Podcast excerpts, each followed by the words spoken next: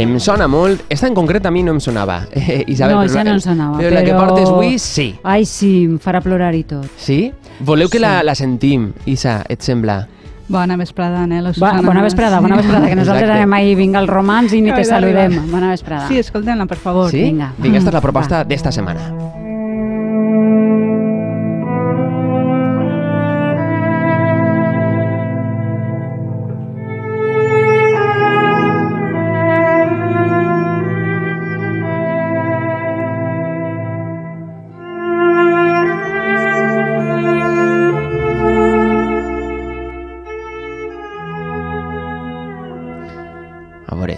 Proposta intensa. Sí, Isabel. estem escoltant el cant dels ocells, que és una música, una càrrega emocional molt gran, Sí. tant musical com, com simbòlicament. La versió que, que està sonant és Pau Casals, el violoncel, que és qui la va fer, que és qui la va fer famosa. Mm, I per què has triat esta cançó? No serà per la pregunta del dia que tenim avui, que parlem d'ocells. Igual és al revés. Ah, ah. És que una triat la de pregunta tot. del dia, Jo haig de- perquè parlàvem del Haig de confessar que ocells. jo tinc ornitofòbia Sí? en directe. Tu eres sí, una de sí. les que tenen ornitofòbia? Eh, soc una, sí, sí, d'aquestes persones, sí. Uau. I Pau Però bueno, Casals la Pau interpretava Casals també? suposa que no, perquè Ah. ell la, ell la va interpretar en cada intervenció pública a partir del 1939, quan ell se'n va anar a l'exili a causa de la, de la dictadura franquista, Mm. i per això ha esdevingut un símbol de pau i llibertat. Jo avui l'he l'he escollit en senyal de protesta per la sentència, al meu parer, injusta als presos polítics a Catalunya, que crec que ens fa perdre, eh, no només a ells, sinó a tots, un bocí de, molt gran de democràcia. Mm. I aleshores, també per això dedicarem el programa d'avui a les músiques i les revolucions. A cançons revolucionàries, aleshores. Ah, això m'encanta a mi. A cançons revolucionàries, però el que passa és que jo avui volia centrar-me un poquet més en el que avui anomenem música clàssica, perquè a vegades tinc la impressió de que nosaltres, el món de, de la clàssica, entre cometes, i també la gent des de fora, eh, ho percebeixin, vivim com un poc aïllats no, de la quotidianitat, en un imaginari on es parla molt de bellesa, Mm. eh, però poc de conflicte i de, i de realitat.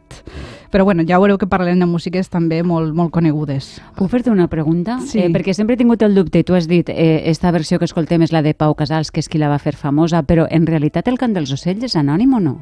El cant dels ocells crec que és, és anònim, és una nadalenca. Ah. Sí, anònim, suposo Sempre en algun moment... Però és que sempre se li atribuís eh, el cant dels ocells de Pau Casals i en realitat va fer ell i sa interpretació la més famosa, però com recordo que un dia un cap em va rectificar, Sí. perquè jo vaig dir que era anònim i em va dir és de Pau Casals. Ja, dic, però, "Mm". no sé, moltes obres també, mira, ahí tenim Shakespeare, que si no ho ha escrit Shakespeare, la seva obra, vull dir que mai sabríem. Però tornant a, a, a, les, a les músiques revolucionàries, clar, quan, mm, pensem en una cosa més popular, no? igual ahir sí que en coneixem prou, però jo, pues, me ve al cap el vent de Raimon, no? o, o el Bella Ciao, que ara es canta tant, tot Sí, ara s'ha fet molt popular. molt parlant d'ella. Mm. Sí, en músiques populars ho tenim prou, prou clar i prou assimilat, però quan pensem en músiques un poc més, més antigues, igual no, no ho veiem tan clar. Mm. I les escoltem en un concert i no pensem mai que estarien vinculades a moviments no, revolucionaris. La veritat és que no. Aleshores, per, per similitud amb la situació que, del, del cas català que, que es posàvem al principi, jo he escollit aquelles que tenen a veure amb revolucions, diguem, nacionals, perquè també podem trobar revolucions de classe, com Sí. la russa de 1917 o de gènere, Mm. que és, crec que és la que estem visquent ara. Perquè què pensa Isabel, un compositor o una compositora, quan diu eh, vull fer una música revolucionària? Jo crec que... O això no ho fa. Sí, sí que ho pensen, eh? però no n'hi ha una fórmula única i màgica. Eh, jo crec que segurament si, pens, si estan pensant en fer una música així, pensen més com un publicista que com un compositor, no? Has de fer una melodia que enganxe a, a la gent. I també la, el, els compositors i les compositores que es dediquen a, a, a, a compondre saben que n'hi ha seqüències d'acords i efectes instrumentals que col·laboren en donar esta majestuositat i grandiositat de les músiques O sigui, que hi ha revolucionàries. trucs. Hi ha Hi ha trucs. trucs. Clar, de hi ha trucs. Un himne, no? És com fer un himne. Hi ha trucs i hi ha ofici, eh, com en totes les faenes. Ah. Però jo que vull remarcar és que en molts casos, eh, que seria el cas, el, el cas del cant dels ocells, eh, la música, l'ús que fem de la música no ha de correspondre necessàriament amb l'origen. Ja hem dit que el cant dels ocells és una, és una nadalenca, de fet hi ha Mhm. versions de principis del segle, del segle XVIII que ja Mhm. parlen de- d'ella. El que passa és que després eh, les músiques es fan en una intenció i la gent la utilitzem En en, una en, altra. una altra, Clar, no? I avui clar. veurem exemples de dos tipus, músiques pensades revolucionàries des d'un inici i músiques que hem fet revolucionàries. Però, mm, en qualsevol cas, de totes les revolucions... No, no parlarem de totes perquè no, No no, és- no és no acabaríem mai. No Necessitem uns quants dies Sí, més. parlarem sobretot de les, de les europees i el seu germen, que és la Revolució Francesa. Vinga, anem a això. Allons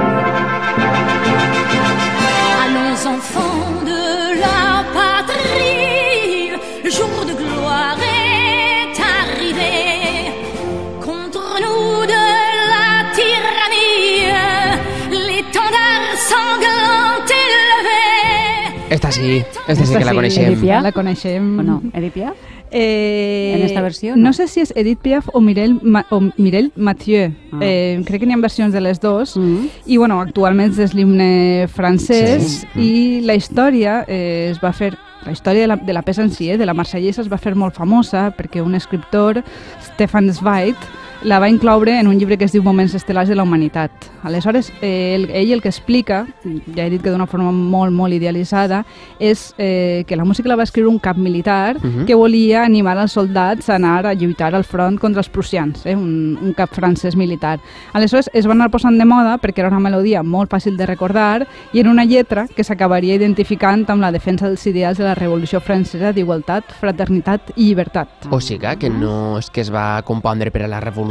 No, és, és, un, és una cançó patriòtica que mm, acaba sent antimonàrquica però en inici no era revolucionària en el sentit que ha acabat tenint. Mhm. El que va passar és que després de la Revolució Francesa, ja sabeu que Napoleó es va fer amb el poder Sí. i va anar arrasant eh, per Europa fins que va Coses que feia Napoleó, Sí, saps? en el seu dia a dia. Fins que el 1812 va i es va topetar amb els russos, en el que va ser el principi del seu final com a emperador. Doncs esta, esta conjunt de batalles, 60 anys més tard, els russos la van, van voler commemorar-la, el 1882, i li van encarregar una obra a Piotr Ilyich Tchaikovsky, que es, coneix, que es coneix popularment com Obertura 1812.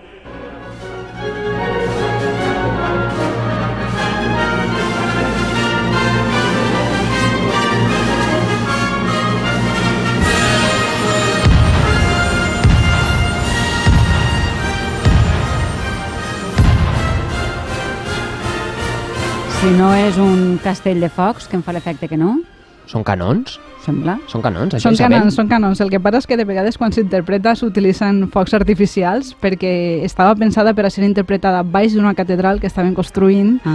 i varen, varen incloure canons, campanes i... O sigui, era i el primer espectacle piromusical. Sí, sí, era un piro musical tal qual. I no sé si heu escoltat, no?, la melodia que És la marsellesa, és la sí. marsellesa perquè representa la, Sí. la batalla. I d'estes n'hi ha més exemples de, del rotllo de la marsellesa? La marsellesa es va fer molt important com a símbol i molt famosa. Aleshores, de repente, tots els nous països, que en el segle XIX va haver molts països Mm. mm. nous, eh, la varen prendre com a exemple i tots volien tindre la seva pròpia. De forma que molts compositors varen començar a escriure peces així, no? representatives i patriòtiques. Mm. Perquè justament és en aquest moment polític en el que es van formar tots els estats, Estats que coneguem avui en sí. dia. Exactament. Mhm. Mm. Escolta, un compositor que havíem escoltat que està molt unit a, a causes revolucionaris és Beethoven. Això és de veres?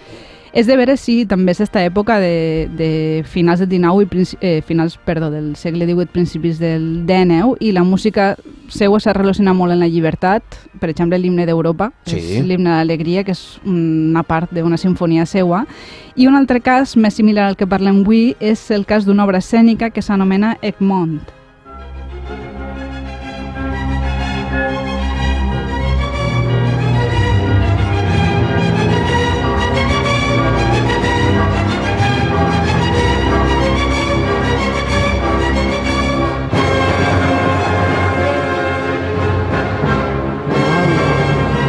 Quina càrrega, no? Saps També. Beethoven? Eh, Clar. Sí, sí, El- lleugeret no, no és. No, no, avui anem en tota la cavalleria, sí. sí. sí. Doncs Egmont és un personatge històric al qual l'escriptor alemany Goethe va escriure una obra i Beethoven li posa música uns anys després, el 1809. Eh, la part més coneguda és esta, que és l'obertura, que és la part que s'interpreta al principi de l'obra al teatre. Abans de començar s'interpreta l'obertura, per això es diu així. I què, què, què li passava a Egmont? Què passa en la història? Doncs la Moral Egmont, que és el nom sencer, va ser un comte que va viure en la regió que, del que avui en dia és Bèlgica, dominada en aquell temps, que és el segle XVI, pels espanyols. Tot i que Egmont era pro-rei, pro-monàrquic, noble, catòlic i pro-espanyol, va ser assassinat per un enviat de Felip II, el duc d'Alba, Mhm. com la duquesa d'Alba, Sí, seu sí, sí, avantpassat, i perquè Egmont va defendre la llibertat religiosa, en aquest cas el, el cristianisme, davant de la imposició del catolicisme. Aleshores, la, hist la història un poc va ser que el rei volia demostrar davant de tots, Egmont que era noble, que ell tenia més força i que era el poderós. I com és que eh, Beethoven es fixa en este personatge i tria Egmont? Segurament el va conèixer a través de l'obra de Goethe i li va aparèixer un heroi valent mm. davant el tirà en un símil que ell va fer quan es va desencantar per Napoleó. De fet, la zona de Bèlgica, del que avui coneguem com a Bèlgica, concentra més exemples d'aquest tipus, perquè 30 anys més tard de l'estrena d'Egmont, la revolució que acabaria donant la independència de Bèlgica, en este cas ja no d'Espanya, sinó dels Països Baixos, Mhm. va començar després de la interpretació d'una òpera a Brussel·les que es diu, eh, la traduiré, la, la xica muda de Portici, que és un poble de Nàpoles, del compositor francès Daniel Aubert. L'òpera està ambientada en Nàpols el 1647 en un context històric eh, de revolta encapçalada per un pescador, Macianello, contra el domini també dels espanyols.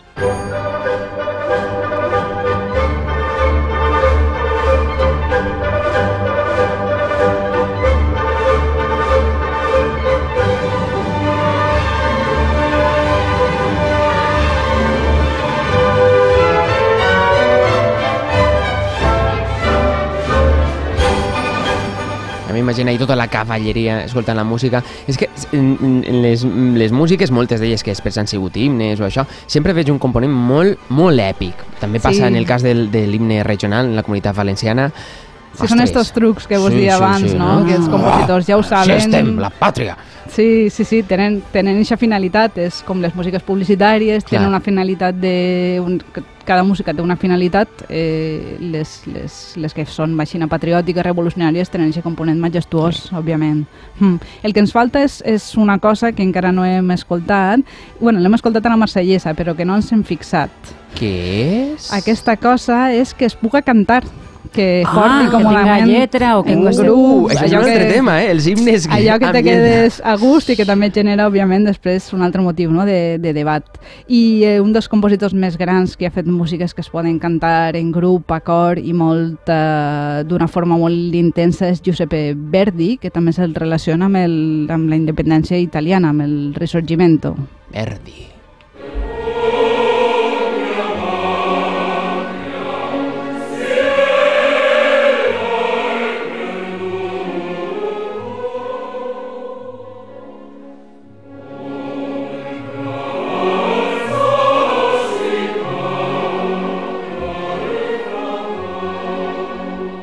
Coneixem, tal volta menys, però també. Sí, Esta és no, molt- està molt esta és coneguda. molt coneguda. Sí, això és un cor d'una òpera de Nabucco i representa un cor d'esclaus que Sí. estan també, òbviament, cantant per la seva condició i eh, l'obra va tindre tant d'èxit que avui no és l'himne oficial i- italià, però com si ho fora i Però també quasi, sí. si busqueu per YouTube i per internet trobareu que avui en dia encara té ressons relacionats en la, en la política. Sí, Que, que, que en definitiva és la gent, no? Que es fa, que es fa seus, fa seua. com comentàvem a l'inici, que és això, Mhm. la fa seua. I estava, estava pensant també en el cas de l'himne de Riego. Ai, és que, que, entres dins la meua ment. Sí, Sí, este himne també...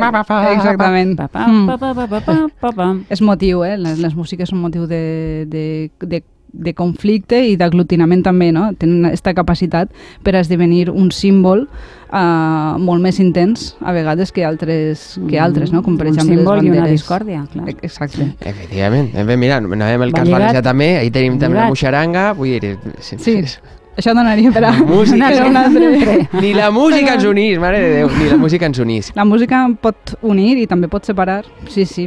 Eh, I clar, un poc del que, del que es tracta també és de que, de que ho analitzem com, com funciona tot això. Mm. Ja per acabar avui mencionaré una peça també, almenys en ambient de Xina més clàssic molt coneguda, que és Finlàndia, del compositor finès Jan Sibelius.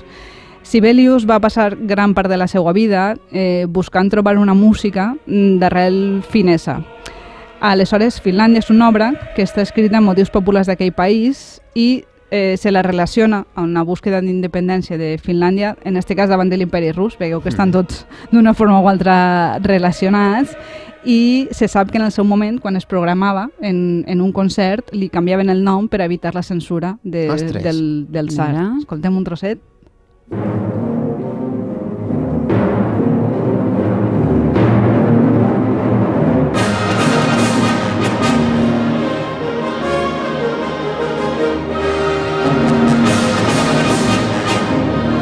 canviaven el nom, la sorpresa seria quan ja l'escoltaven. Eh, una, una salutació també per, a, per als finesos que, que, que ens, estan escoltant ara, no? Molt bé, molt Moltes bé. Moltes gràcies, Isabel Ferrer. M'ha encantat avui, gràcies, gràcies Isabel.